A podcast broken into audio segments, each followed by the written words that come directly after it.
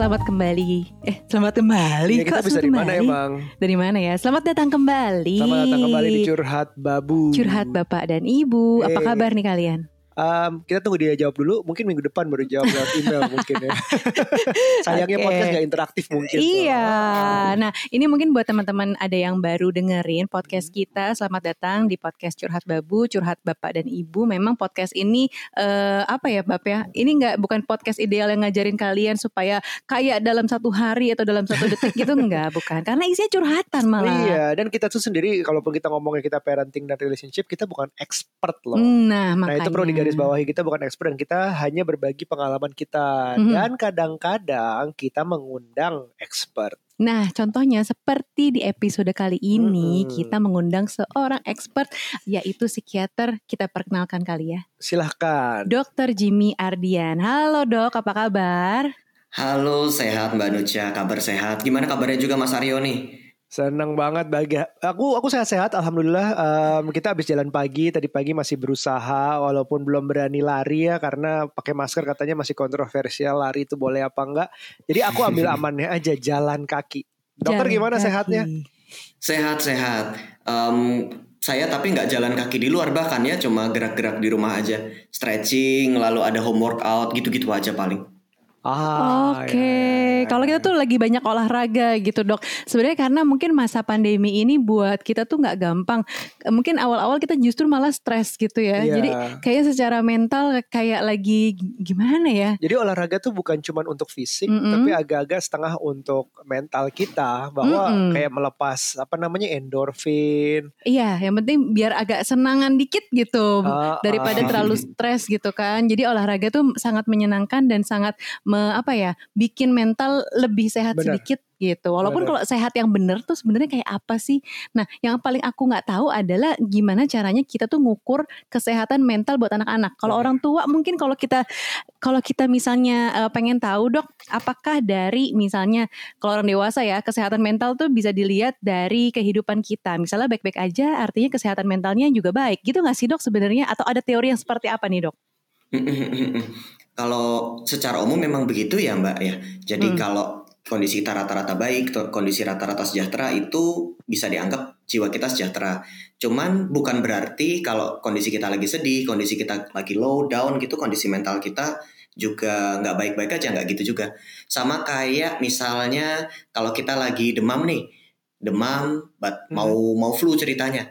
Kan ada demam yang kemudian jadi batuk pilek, ada demam yang kemudian ya nggak jadi batuk pilek ya cuma demam aja terus tubuh kita berhasil mengcontain berhasil menahan nih rasa sakitnya vi- virusnya bakterinya biar nggak sakit. Hmm. Ah, kesedihan tuh kayak gitu, dia cuma tanda aja. Perasaan nggak enak juga cuma kayak gitu, dia cuma tanda. Gimana kalau badan saya ngasih tanda kalau demam? Nah, begitulah perasaan kita memberi tanda kalau kita lagi sedih, kalau lagi low. Hmm. Kecuali kalau demamnya terus menerus. Nah, sama kecuali kalau sedihnya terus menerus. Kalau itu sampai bikin kita nggak bisa beraktivitas, demam di awal kan masih bisa buat kerja ya, dan itu nggak apa-apa. Tapi kalau berkepanjangan, nah itu jadi masalah. Nah, persis sama. Sedih di awal sebenarnya juga nggak apa-apa. Masa kita nggak sedih, nggak rasanya nggak enak di masa pandemi gini kan nggak mungkin juga ya. Pasti ada rasa nggak enaknya. Cuman kalau sampai membuat kita tidak produktif, sampai membuat Iya. kita nggak bisa ngapa-ngapain, sampai membuat kita ngerasa hopeless and helpless, nah itu udah jadi masalah. Tapi kalau kita masih bisa cope, masih bisa apa bahasanya cope itu ya, Hope- masih hopeful. bisa eh, men- melampaui gitu, mem- Oke. Hmm, hmm. menanggulangi perasaan ini walaupun perasaan yang nggak hilang, maka masih nggak apa-apa. Oke, nah kalau kesehatan mental tuh ada ukurannya nggak sih dok? Kalau tadi kan dokter bilang itu misalnya salah satu tandanya asal nggak asal nggak berlangsung ber berlama-lama gitu kan ya, atau Dan- mengganggu kita atau mengganggu kita. Nah tapi kalau misalnya ada nggak sih ukurannya level 1 sampai 10 di mana sebenarnya kesehatan mental, eh, misalnya dalam hal ini orang tua gitu ya orang dewasa seperti kita, eh, ini sebenarnya ada tanda-tandanya tuh kurang sehat mental gitu dok, indikator-indikatornya. Ada, ada empat tandanya nih Mbak Nucha. Yang pertama, adanya distress atau penderitaan. Kalau sebuah emosi atau sebuah pikiran atau sebuah perilaku membuat kita begitu menderita dan penderitaannya lebih besar daripada kemampuan kita menanggulangi, nah itu perlu waspada. Yang kedua, ada namanya disability atau ketidakmampuan. Entah tidak mampu melakukan aktivitas atau Hmm. tidak mampu bersosialisasi atau tidak mampu bekerja atau bahkan tidak mampu merawat diri sekedar mandi atau sekedar Iya, iya. makan Oh, gitu rasanya nggak mampu. Nah itu sudah ada masalah tuh disability. Yang ketiga Oke. danger. Jadi ada distress, disability. Yang ketiga danger. Danger itu perilaku yang berbahaya, entah ke diri sendiri atau ke orang lain. Ah. Misal self harm begitu ya. Ada kecenderungan aku kok pengennya hilang aja ya. Atau ada kecenderungan kok jadi gampang marah banget sama anak. Rasanya pengen banget mukul anak begitu. Out of Hah, nowhere. Nggak tahu dari mana. Pokoknya pengen banget mukul anak. Atau anak berlaku Oke. salah sedikit menurut kita. Biasanya dulunya kita nggak mudah mudah mukul. Sekarang kok rasanya pengen mukul terus. Nah itu artinya sudah mulai muncul perilaku ketiga. Danger. Ah. Yang ke-. Yang keempat itu deviance atau perubahan perilaku signifikan sampai orang lain sudah mulai komentar. Eh, kamu kok biasanya ceria hari ini kok enggak? Kamu kok biasanya ramah kok hari ini gampang marah sampai orang lain ada yang komentar kayak gitu. Hah. Dua dari empat hal ini muncul, nah kita perlu waspada jangan-jangan saya mulai nggak sehat nih. Dua dari Oh, empat hal. gitu. Oh, oke, oke, oke, Oke. Nah ini tuh sebenarnya berlaku juga nggak sih dok buat anak-anak dan kalau misalnya iya berlaku untuk anak-anak juga, anak-anak usia berapa yang udah bisa kita lihat secara apa nih, secara psikologisnya memang ada ada poin-poin dari empat tadi tuh yang udah dicentang gitu dok, yang Aku tuh melihatnya kalau anak tuh kayak em, oh dia nangis, dia ada tahapan tantrum segala macam. Apakah itu termasuk mental terganggu apa enggak? Iya, Mm-mm. benar pertanyaannya ngelihatnya tuh gimana sih anak itu ada masalah dengan mental apa tidak? Nah ini pertanyaan yang memang pasti banyak ditanyain orang tua ya. Gimana ngelihat anak saya sebenarnya ini keterganggu secara mental atau memang normal tantrumnya? Atau emang anaknya misalnya kan ada anak yang terlahir lebih cemas daripada anak lain kan ada ya? Iya. genetically memang lebih cemas atau genetically lebih pendiam itu memang ada. Tapi bagaimana membedakannya ini eh, sudah termasuk masalah kejiwaan atau jangan-jangan memang nggak apa-apa? Poin pentingnya sih pada eh, growing ya pertumbuhan ya mas Mhm. dan Mbak, ini anak itu kan dalam proses pertumbuhan. Jadi Ya. ada area-area otak yang bertumbuh lebih dahulu ketimbang area otak yang lain. Area Oh. otak yang bertumbuh bertumbuh dahulu itu area otak yang memang bersifat emosional. Jadi anak Oke. lebih dulu bisa merasakan emosi ketimbang lebih dulu sorry lebih dulu bisa merasakan emosi ketimbang Hmm. bisa berpikir secara sehat. Ya, ya. ya. Jadi awal anak tantrum, awal anak mengekspresikan emosi, anger, marah misalnya, atau kecewa misalnya, itu justru pembelajaran untuk anak. Dia sedang belajar mempelajari emosi. And it's okay. Gak apa-apa anak di bawah lima tahun itu tantrum. Bahkan penelitiannya eh, banyak banget untuk jumlah tantrumnya dalam satu hari. Konflik dengan orang tua itu tidak mungkin bisa dihindari pada anak di bawah lima tahun. Pasti terjadi. Tapi justru itu proses pembelajarannya. Bagus. Yang menjadi masalah kalau frekuensinya meningkat atau intensitasnya meningkat entah dari mana. Nggak jelas Oh, dari mana gitu. frekuensinya meningkat, intensitasnya meningkat hingga mengganggu pertumbuhan pribadi sang anak. Wah anaknya Hmm. kerjaannya misalnya jadi marah-marah terus, nggak bisa buat anak kan biasanya tetap akan bermain ya dan itu adalah proses uh, growingnya anak. Belajarnya. Mm-mm, Iya, betul. belajarnya anak. Kalau bahkan marah-marahnya sampai mengganggu dia bermain, nah kita Hmm. patut waspada nih. Karena pada depresi orang dewasa yang tampak itu sedih, murung, Hmm. menarik diri itu depresi pada orang dewasa. Sementara pada anak, depresi itu lebih sering bentuknya marah, anger, begitu, keluar eh, kata-kata kasar atau perilaku kasar dan Mukul. itu memukul begitu. Itu muncul aja begitu tiba-tiba. Bisa saja itu bagian dari simptom masalah kejiwaan. Tapi kita memang nggak boleh eh, memotong gitu aja. Oh ini satu hari anak ini lagi marah-marah berarti ini masalah kejiwaan ya nggak gitu juga. Itu kan sequence. Kita perlu ngelihat dalam kurun waktu tertentu, let's say dua minggu atau satu bulan, kok Hmm. perubahan perilakunya signifikan nih. Nah kita patut waspada. Jangan-jangan ada sesuatu.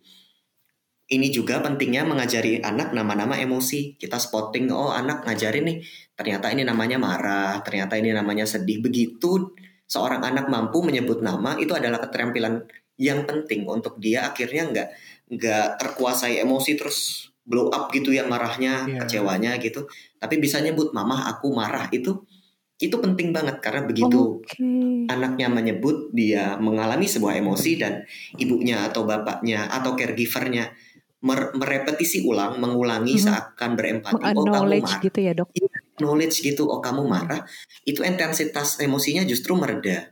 Jadi Hmm. jangan buru-buru melabel. Tapi kalau ada perubahan perilaku signifikan, itu patut diwaspadai atau jika proses tumbuh kembangnya tidak sesuai dengan usia misalnya uh, di anak usia 3 sampai 5 tahun itu kan wajar ya dia lari-lari terus nggak bisa yeah. duduk diam itu wajar. Masuk usia SD mulai itu otak otak depan berkembang. Tadi kita bicara hmm. otak emosi sudah berkembang dulu.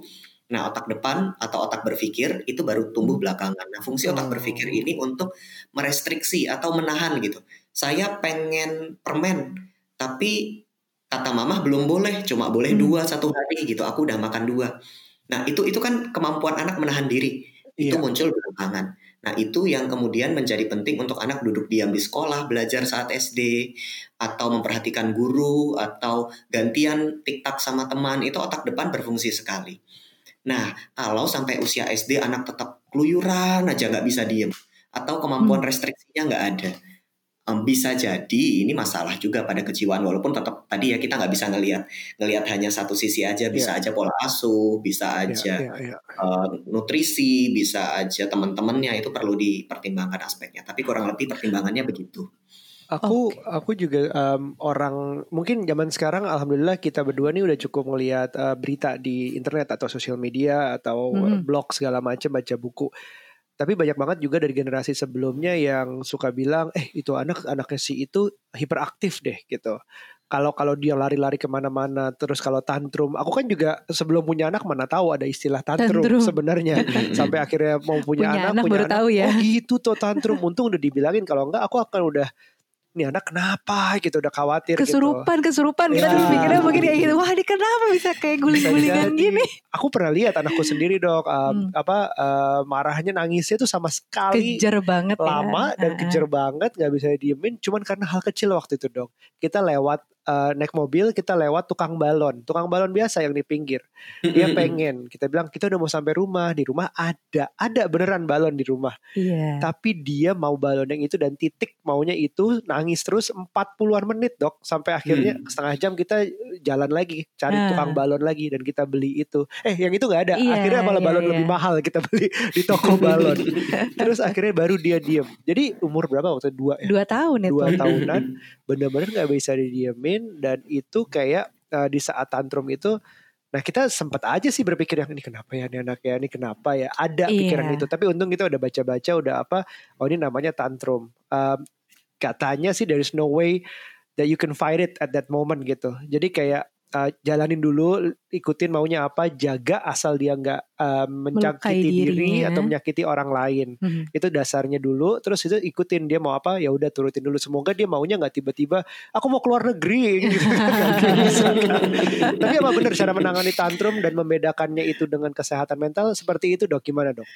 Iya, secara prinsip memang anak pasti tantrum ya Mas Aryo ya. Nggak mungkin uh, ada, ada anak yang kalem-kalem aja terlahir seperti uh, orang yang sangat damai di orang dewasa gitu kan ya nggak mungkin ya. Anak, karena tantrum juga bagian dari pembelajaran anak belajar bahwa oh ini ada yang namanya emosi dan kadang emosi itu begitu intensnya sampai yeah. sulit dikendalikan. Pada beberapa kalau masalahnya nggak terlalu krusial kayak misalnya beli balon katakanlah begitu ya, uh, ya nggak apa-apa sih kalau kita turutin. Tapi untuk hal lain memang anak juga perlu kadang dipelajari batasan oh bagian ini walaupun kamu tantrum kamu nggak bisa mendapatkan uh, uh, apa yang kamu inginkan karena kadang tuh kadang ini Mas Aryo ya saya sih belum punya anak kebetulan uh, uh, uh, doain aja semoga cepat jadi amin amin, uh, tapi kadang pada ponakan-ponakan saya gitu misalnya kadang mereka tantrum justru ketika ada tamu gitu oh tantrum oh. minta mainan waktu tamu datang gitu. Waduh bisa banget ya dok Bisa ya? banget kan pinter banget ini just milihnya ya. Orang tuanya kan cenderung malu. Nah kebetulan saya punya teman-teman yang psikolog anak gitu kadang mereka uh, tamunya tuh sampai sampai di talap dalam tanda kutip diabaikan gitu demi oh. untuk ngajarin anaknya. Walaupun ada tamu, kamu nggak bisa minta gini sama mama karena kesepakatannya mainannya baru akan kita beli hari Minggu misalnya. Hmm, Jadi yeah. anak juga diajari untuk menahan kamu akan dapatkan yang kamu inginkan tapi caranya nggak gini nah itu itu proses pembelajaran penting juga untuk anak walaupun orang tuanya juga perlu sadar nih oh ini ini juga bagian penting dari pembelajaran emosi pada anak jangan dimarahin jangan malah uh, dipersalahkan karena emosinya yeah, yeah. di acknowledge saja tapi kita buat dia tetap safe safe relatively ya safe ya baik yeah, yeah, itu yeah. secara fisik ataupun secara jiwa termasuk jiwa oh. itu nggak nyalain tadi jangan malah Oke. Oh, iya bikin suka damage. orang tua juga itu ya ada um, kita lihat orang tua beberapa kayak video gitu um, kata-kata kayak jangan nangis dong bikin malu orang tua jangan di sini jangan itu jangan kayak berusaha bikin anak itu meredam emosinya Tapi kelihatannya anak-anak nggak bisa digituin ya dok ya. nggak bisa ya Nah, dok ya nggak sebenarnya? bisa. Nah itu tadi ini eh, kaitannya dengan salah satu dari empat poin yang tadi dokter sempat sebutkan ya Hmm. itu da- ada ada satu satu ini ada namanya danger. Nah menurut aku nih ngaruh banget deh kayaknya ya ini ini Ya. aku bukan dokter sih ya dok ya tapi aku menurut aku itu sangat ngaruh ke anak-anak. Jadi ketika kita sendiri sebagai orang tua itu punya emosi yang meluap-luap terhadap anak terus kayak pengen bawaannya let's say mukul, let's say eh, apa namanya abusive secara kata-kata gitu ya. Itu tuh kan merusak mental anak dari kecil bahkan gitu ya. Secara nggak langsung mungkin kitanya sendiri secara mental nggak sehat terus kita marah ke anak gitu mengekspresikannya ke anak dan anak jadi nggak sehat. Itu ngaruh nggak sih dok jadi kayak gitu? Atau ada faktor genetiknya? Atau memang bisa kayak menular gitu dok? Atau gimana? Apa, monkey see monkey do Ah, maksudnya monkey kali see monkey do gitu? Eh, bisa iya bisa bisa bisa tidak sesederhana itu jadi Hmm. daripada nanti ada yang ngomel-ngomel kalau saya motong-motong penjelasan jadi saya jelasin di depan dulu ada tiga generalnya ada faktor Oke. genetik ada faktor nurturing atau perawat eh, pengasuhan begitu ya Ah, sama ada pengasuhan. faktor nutrisi yang penting pada eh, pertumbuhan emosional anak Oh, Oke. ketiga faktor ini memang saling kait terkait tidak bisa dibilang satu faktor lebih penting daripada yang lainnya karena Hmm. begitu kita pisahkan maka artinya kita sedang mengabaikan uh, proses tumbuh kembang yang normal Oh, oke oke. Hmm. pada saat orang tua marah bahkan nggak usah mukul deh marah-marah aja marah-marah yang intens uh, dan nggak konsisten tanpa nilai yang jelas Hmm. anak kan sulit membedakan ya antara real threat ancaman yang benar misalnya ancaman yang benar itu harimau beruang begitu atau uh, maling masuk itu kan ancaman yang Hmm. benar Iya. dengan uh, potensial threat ancaman tapi sebenarnya yang misalnya orang tua marah orang tua nggak berniat menyakiti sih cuma marah aja cuma mengeluar- mengeluarkan emosinya aja. Tapi anak tuh nggak bisa bedain. Tubuh anak tetap bereaksi secara sama. Berdebar keringat keluar kemudian nafas menjadi semakin cepat hormon stres Hmm. keluar. Anak mulai belajar untuk uh, fight or flight melawan Iya. atau kabur. Itu Hmm. proses pembelajaran yang terjadi secara normal. Itu tidak bisa dihindari Jadi bisa sekali kalau kemudian intensitas amarah orang tua kemudian jadi memukul, kemudian jadi lebih keras lagi selain uh, cuma membentak, maka pembelajaran anak juga menjadi semakin intens yang tadinya anak cuma lari atau cuma melawan balik dengan kata-kata bisa jadi menjadi lebih keras. Beberapa bahkan reportnya beberapa yang saya pernah dengar atau saya lihat an- orang tuanya misalnya ngeludain, anaknya bisa ngeludain lagi. Orang tuanya mukul, anaknya bisa mukul balik di usia tertentu lagi. Itu Oh. sekedar pembelajaran. Nah, itu kan kalau kita lihat dari perspektif behavior kan ya monkey see, monkey do benar. Iya. Tapi itu juga ada faktor genetiknya. Oh, gen marah-marah bukan begitu. Faktor genetiknya adalah orang tua yang cenderung mudah marah biasanya memang ada regulasi hormon yang terganggu atau uh, gen-gen tertentu yang memang berpotensi menimbulkan perilaku seperti itu. Nah, potensi itu yang diturunkan, bukan perilakunya. Potensi bisa jadi perilaku, bisa jadi enggak kan ya tergantung yang mengaktifasi. Nah, ini kebetulan potensinya turun, yang mengaktifasi ada. Plus mungkin nutrisinya terganggu. Karena kalau ada kita bicara soal masalah keluarga begitu masalah pola asuh, masalah genetik, kan nggak mungkin ya keluarga eh, lagi marah-marah, kemudian pola asuhnya juga agak berantakan karena penuh dengan emosi, kemudian faktor lainnya bisa cenderung baik. Ya. Nutrisi bisa baik itu kan kayaknya enggak ya, pasti ada ada ya tumpang tindih lah satu sama lain. Nah, ini yang kemudian merepotkan karena nggak jelas nih ujung pangkalnya yang mana nih. Ah, Oke oke oke oke.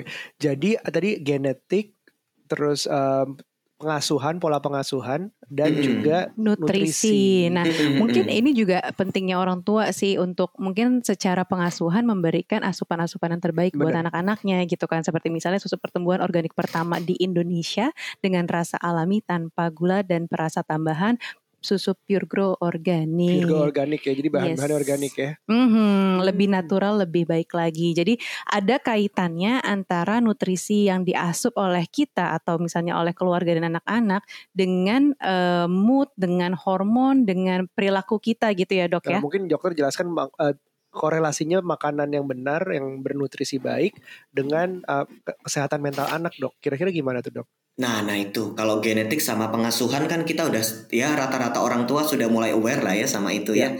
Tapi yang kadang-kadang suka lupa tuh bagian nutrisi kita pikir, wah apa hubungannya masalah emosional dengan nutrisi? Iya. Wah padahal nyambung banget. Dulu sebelum bayi kita lahir itu kan dia bentuknya sel ya. Nah Iya. di sel bayi, waktu bayi kita masih sel, membayangkannya aja sulit. Waktu bayi kita masih bentuknya sel, itu ada beberapa layer, ada beberapa lapisan. Nah, lapis lapisan-lapisan ini kemudian bertumbuh menjadi organ-organ tertentu. Oke.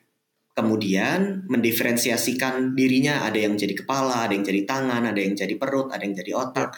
Nah, otak, perut, termasuk usus lambung itu sebenarnya tadinya berasal dari satu layer yang sama, dari satu Oke. Eh, dari satu bibit sel yang sama Ya, gitulah ya. ya. Kemudian berkembang. Nah, tanpa kita sadari apa yang kita makan itu Hmm. menjadi apa yang kita rasakan dan kita pikirkan.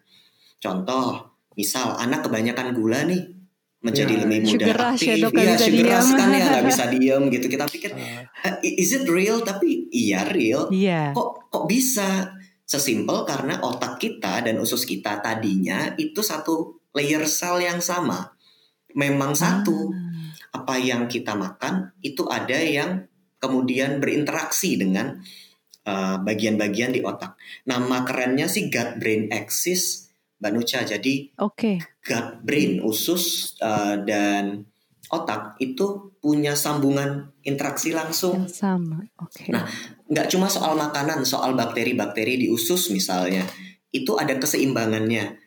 Begitu Hmm. keseimbangan ini terganggu, perasaan kita menjadi terganggu. Itu kenapa makanan buat anak eh, dan juga orang dewasa sih sebenarnya, tapi hmm. karena anak eh, lebih cenderung tumbuh dulu sifat emosionalnya, makanya lebih kelihatan. Hmm. Nutrisi pada anak menjadi signifikan pada perubahan emosinya. Oke, itu ngaruh gak sih dok kalau misalnya nih kita kebanyakan makan yang pahit, jadinya tuh kita bitter gitu, ngaruh gak ya? kalau orang tua itu loh, zaman-zaman hamil ibunya kalau makan pedas nanti anaknya ngomongnya Oh iya, ntar anaknya ngomongnya pedes, katanya kan gitu dok. Sengaruh itu gak sih dok? Emang beneran tuh kalau kayak gitu? Kalau sengaruh itu sih sengaruh itu, tapi contohnya sih yang nggak bener ya. Nggak bener ya? Kalau sengaruh itu sih sengaruh itu, tapi contohnya yang perlu digeser nih.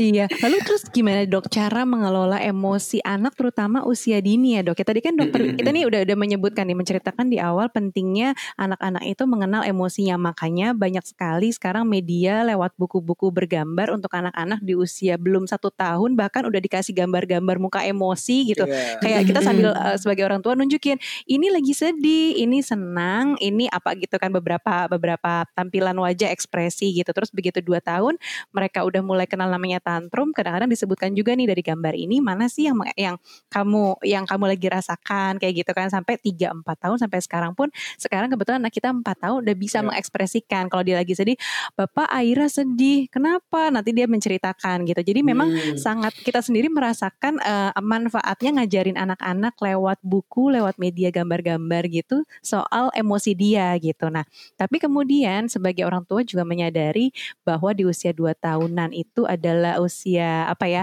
kritis ketika mereka kenal emosinya lebih dalam lewat tantrum, lewat marah karena kemampuan bahasa juga Exactly. terbatas sekali gitu kan. Tantrum tuh emosi nggak nyambung dengan komunikasi. Iya, nggak Ah. nyambung. Jadi kayaknya, wah udah deh marahnya bisa ke mana-mana gitu kan.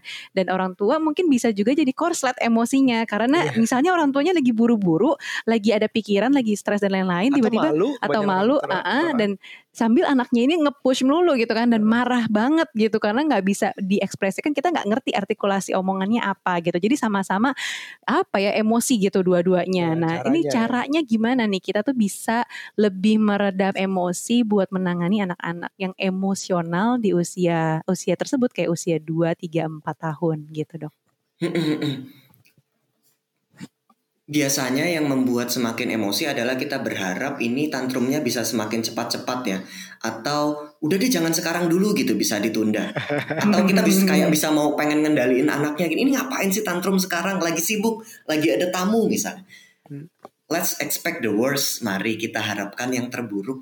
Karena kalau kita berharap kita bisa cepat-cepat sementara kenyataannya tidak, kita sebenarnya bukan sedang berkelahi dengan anak, tapi kita hmm. sedang berkelahi dengan pikiran kita sendiri yang melawan realita. Itu makin bikin kita marah. Ekspektasinya mari kita turunin dulu nih. Ekspektasikanlah anak di bawah lima tahun, di bawah tiga tahun terutama ya, hmm. waktu lagi berusaha ngenalin emosi, itu tantrumnya memang banyak dan berat. It, harapkanlah itu karena justru itu baik untuk anak mempelajari emosinya dan baik untuk kita mengajari anak tentang emosinya. Nah, hmm. nggak bisa dok, saya tetap emosi. Iya, saya paham. Anda akan tetap emosi. Ketika emosi sadari, yang terpenting dari emosi itu bukan cepat-cepat menghilangkannya, tapi kita menyadari dan memisahkan diri antara saya dan emosi saya.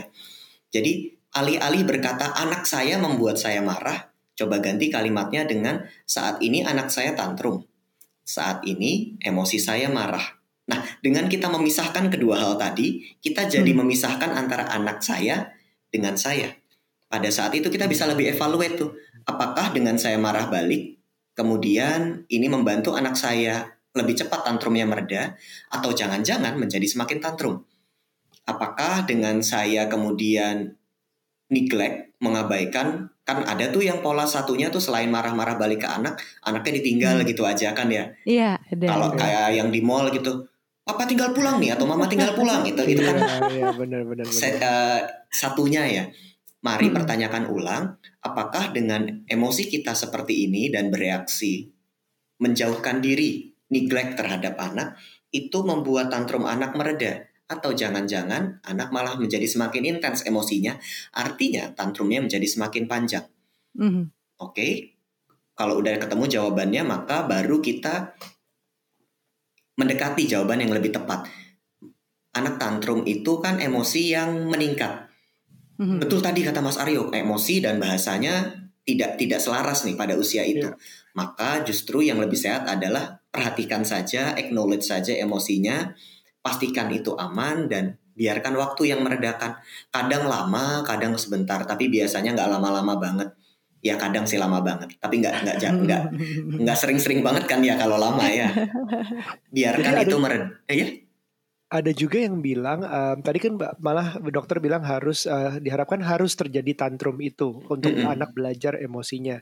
Ada juga yang bilang uh, bahkan terjadi sebelum umur 3 atau umur 5 tahun itu lebih baik daripada nggak terjadi sama sekali. Terus dia terjadi di umur yang lebih dewasa yang akibatnya dia tenaganya lebih kuat. Dia uh, bisa melukai orang lain atau orang sendiri. Itu pernah terjadi ya seperti itu. Apa gimana, Dok? Betul, betul. Tadi kalau kita bicara proses perkembangan otak itu kan sewajarnya di, di atas usia 6 tahun otak depan sudah mulai progressing nih kemampuan hmm. anak buat regulate emosi, benar, benar, benar. buat menahan diri itu kan harusnya lebih baik. Nah, kalau yang terjadi sebaliknya justru emosi menguasai dengan intens pada usia-usia itu, nah itu memang bahaya sekali. Artinya ada yang salah nih sama proses perkembangan nih. Harusnya terjadi dulu kok baru terjadi sekarang. Nah, memang masalah jadinya karena hmm. itu ya. Tapi sebenarnya uh, uh, usia tantrum yang yang anak-anak mengenal emosi ini harusnya sudah berhenti di umur berapa sih dok? Ada kayak ideal atau apa namanya aturan khususnya gitu nggak sih dok? Oh mestinya ini anak-anak itu tantrum eh, nggak uh, bisa lebih dari lima tahun. Kalau lebih dari lima tahun berarti ada sesuatu yang misalnya harus di uh, harus ditelaah lagi gitu atau apa? cutting edge-nya sih saya nggak pernah baca ya Mbak Nucha. Maksudnya mm -hmm. saya nggak pernah baca di usia berapa harusnya ini berakhir. Tapi secara prinsip semakin bertumbuh usia, semakin otak depan mening, uh, mulai bertumbuh, sewajarnya intensitas, frekuensi dan durasinya itu mereda perlahan-lahan prinsipnya begitu. Tapi di umur berapa ya mulai menghilang? Wah saya kebetulan belum pernah baca hmm. bagian itu. Nah kemudian nih seberapa penting kita nih sebagai orang tua aware dengan kesehatan mental anak? Karena kadang-kadang nih mungkin sebagai orang tua kita pun mengabaikan ya karena kita anggap selalu ah anak-anak masih kecil kok. Ah anak-anak belum ngerti. Ah anak-anak cuma ngikutin kita. Ah nanti anak-anak juga bisa ngerti sendiri kok. Nah kalau seperti itu dok sebenarnya tuh yang yang idealnya nih ya atau mungkin sebaiknya uh, kita tuh tahu seberapa penting sih uh, apa namanya aware dengan kesehatan mental anak. Nah ini yang mungkin menjadi sedikit mitos ya bahwa uh, anak-anak tuh stresnya apa sih kan cuma main-main aja gitu kan ya. Iya uh, benar. Iya. Gak, gak, gak mikir bayar tagihan kok ya, gak mikir di PHK gitu nggak uh, ada. Apa sih masalahnya paling PR gitu kan? Nggak nggak ada yang besar gitu. Tapi kita lupa sebuah sifat dari penderitaan. Penderitaan itu sifatnya personal. Jadi bukan besarnya emosi, sorry, bukan besarnya stresor yang membuat emosinya intens, tapi penderitaan secara personal ini yang membuat emosinya intens. Coba kalau kita ingat-ingat di masa lalu, rasanya dulu dimarahin mama, udah mama mau pergi, itu rasanya menderita banget kan? Mungkin hmm. gak kalah menderitanya sama kita sekarang mau di PHK bos misalnya, atau misalnya diputusin pacar misalnya. Kalau kita ingat-ingat, rasa sakitnya kurang lebih itu serupa. Karena bukan stresornya yang kita maknai, tapi penderitaan personalnya yang kerasa. Sifat dari penderitaan itu subjektif. Jadi nggak bisa tuh, oh apa sih masalahmu? Anak kecil doang kok stres? Oh nggak bisa. Hmm. Anak kecil juga bisa stres. Bahkan mitos yang mengatakan, oh depresi itu pasti terjadinya pada orang dewasa. Enggak juga. Depresi hmm. pada anak-anak, bahkan anak-anak di bawah usia lima tahun itu kadang terjadi.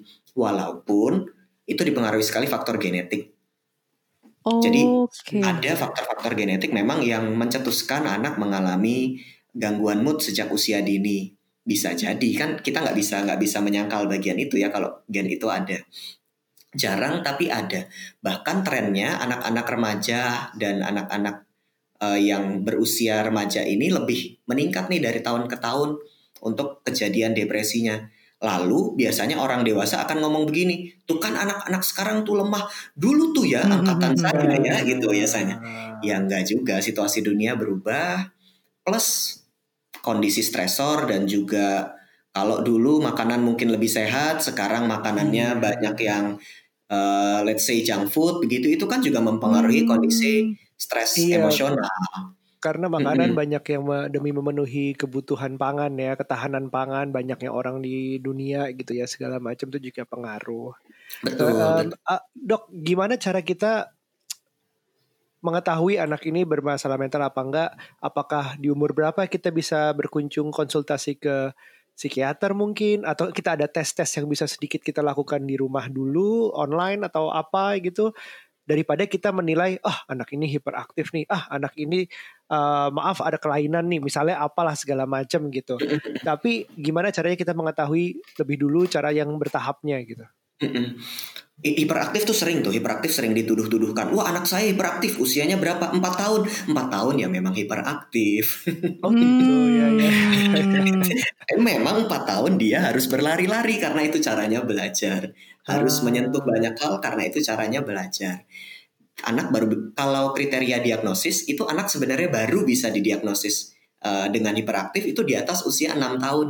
Gurunya harus bilang kalau anak ini hiperaktif.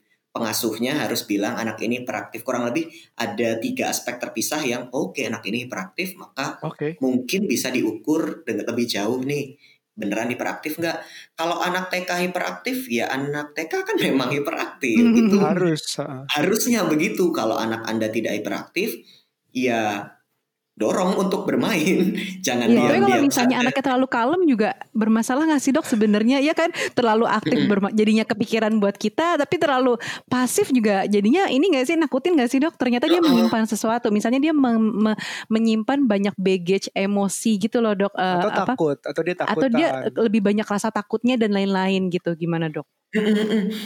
Beberapa anak memang punya bagian genetics untuk cemas. Jadi kan ada tuh anak yang ini kita gampang deh ngelihatnya kalau pas kecil ibunya pergi nggak pergi dia tetap nangis. Nah jangan-jangan biasanya dia punya kecenderungan nih buat cemas. Ibunya ada dia nggak main. Ibunya nggak ada nangisnya lebih kenceng.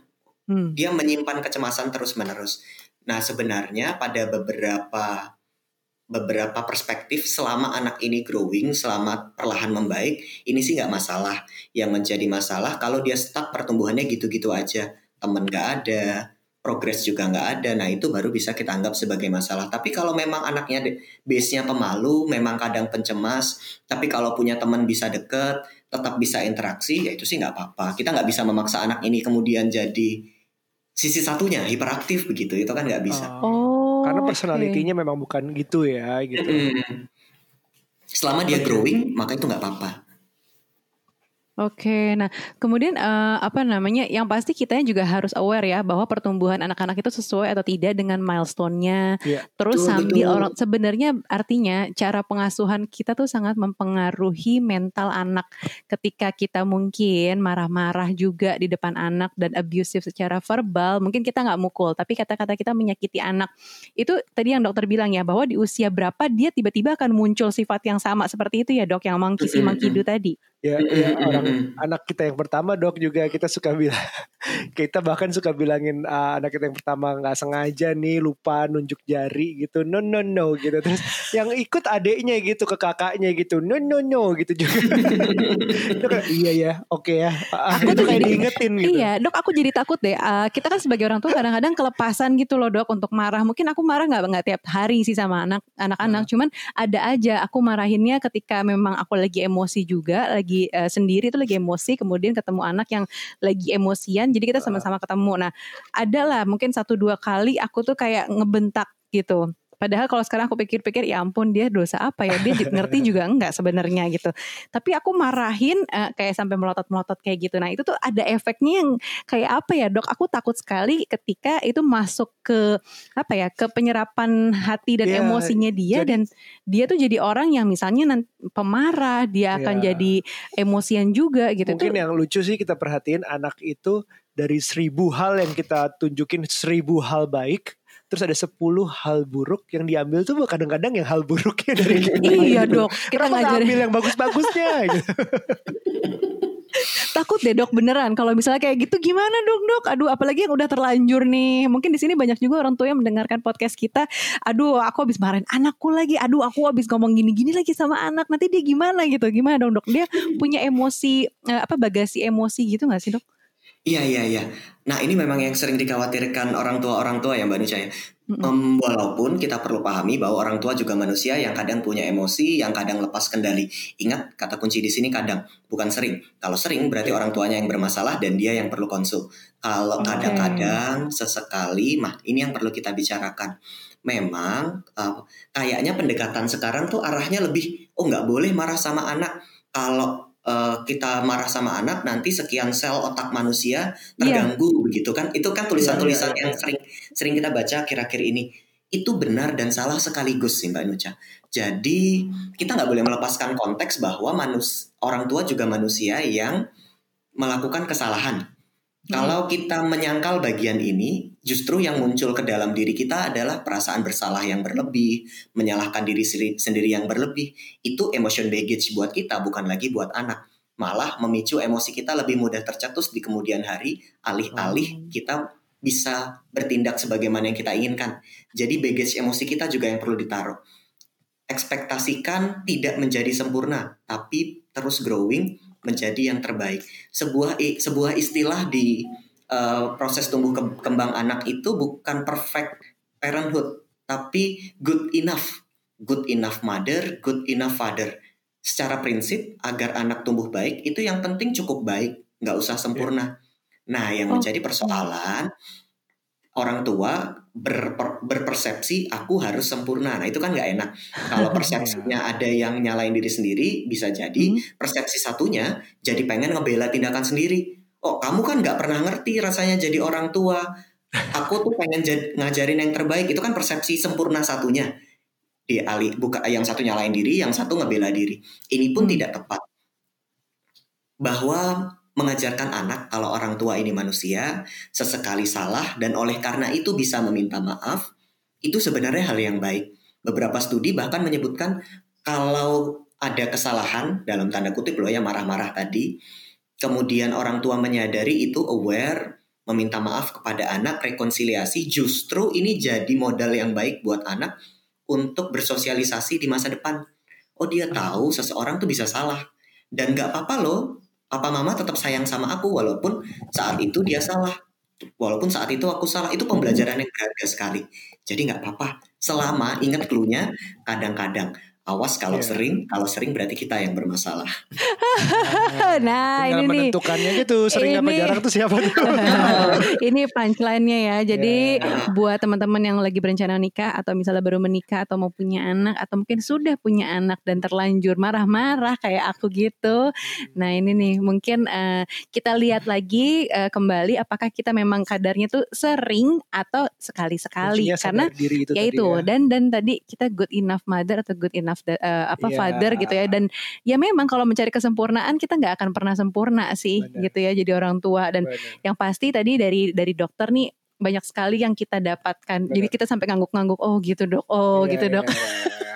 Ya, ya, balik lagi sumber apa faktor-faktor mempengaruhi mental anak itu adalah genetik, terus juga bisa jadi pola pengasuhan dan yang terakhir yang yang nutrisi. nutrisi. Itu nah dia. ya misalnya kita lagi mencari nutrisi yang baik buat anak-anak ada susu Pure Grow Organic susu pertumbuhan organik pertama di Indonesia dengan rasa alami tanpa gula dan perasa tambahan banget jadi kita Buat juga boleh nggak? boleh boleh boleh oke, deh siap. biar pertumbuhan ya Bapak Iya, aku masih pengen tinggi lagi bisa nggak? Bisa nggak dok? yang pasti anak-anak biarkanlah ya tumbuh dengan organik supaya mereka eh, apa ya sifat emosi dasar bawaannya tuh juga berkembang gitu. Yang Benar. penting kan growing tadi kata dokter Jimmy, benar, gitu ya. benar. Pure grow ya. Mm-mm. Oke, kalau gitu ada lagi. Udah dok, Em, kita terima kasih banget. Eh, Dokter Jimmy ini bisa di follow di At Jimmy Ardian di Iya, sosial media di, di, media, di Twitter. Instagram dan Ya. Twitter. Eh Twitter Iya. ternyata juga sering masih mainnya dok ya. Aku lihat ya. Iya masih. iya, emang emang emang beda ya. Kalau di kalau di Twitter itu biasanya yang conversational, yang yang lebih up to date cepat berita aja. Misalnya aku suka aku sih Iya. memperlakukannya gitu. Kalau Instagram tuh yang yang banyak bisa berbagi lebih dalam sedikit. Iya, lebih Ah. visual gitu ya. ya. Semoga kita udah melewati masa kita ini rekamnya recordingnya jarak jauh. Jadi kalau Mm-mm. semoga sudah melewati masa eh, pandemi ini Mhm. atau physical distancing, kita pengen ketemu dok kapan-kapan dok kalau boleh. Iya dok, pengen Wah. banget kita ngobrol langsung Ayo ya. ayo kita ngobrol langsung. Saya juga pasti senang banget ini. Iya, kapan-kapan kita ketemu dok kolaborasi lagi ya dok ya. Oke siap Mas Aryo.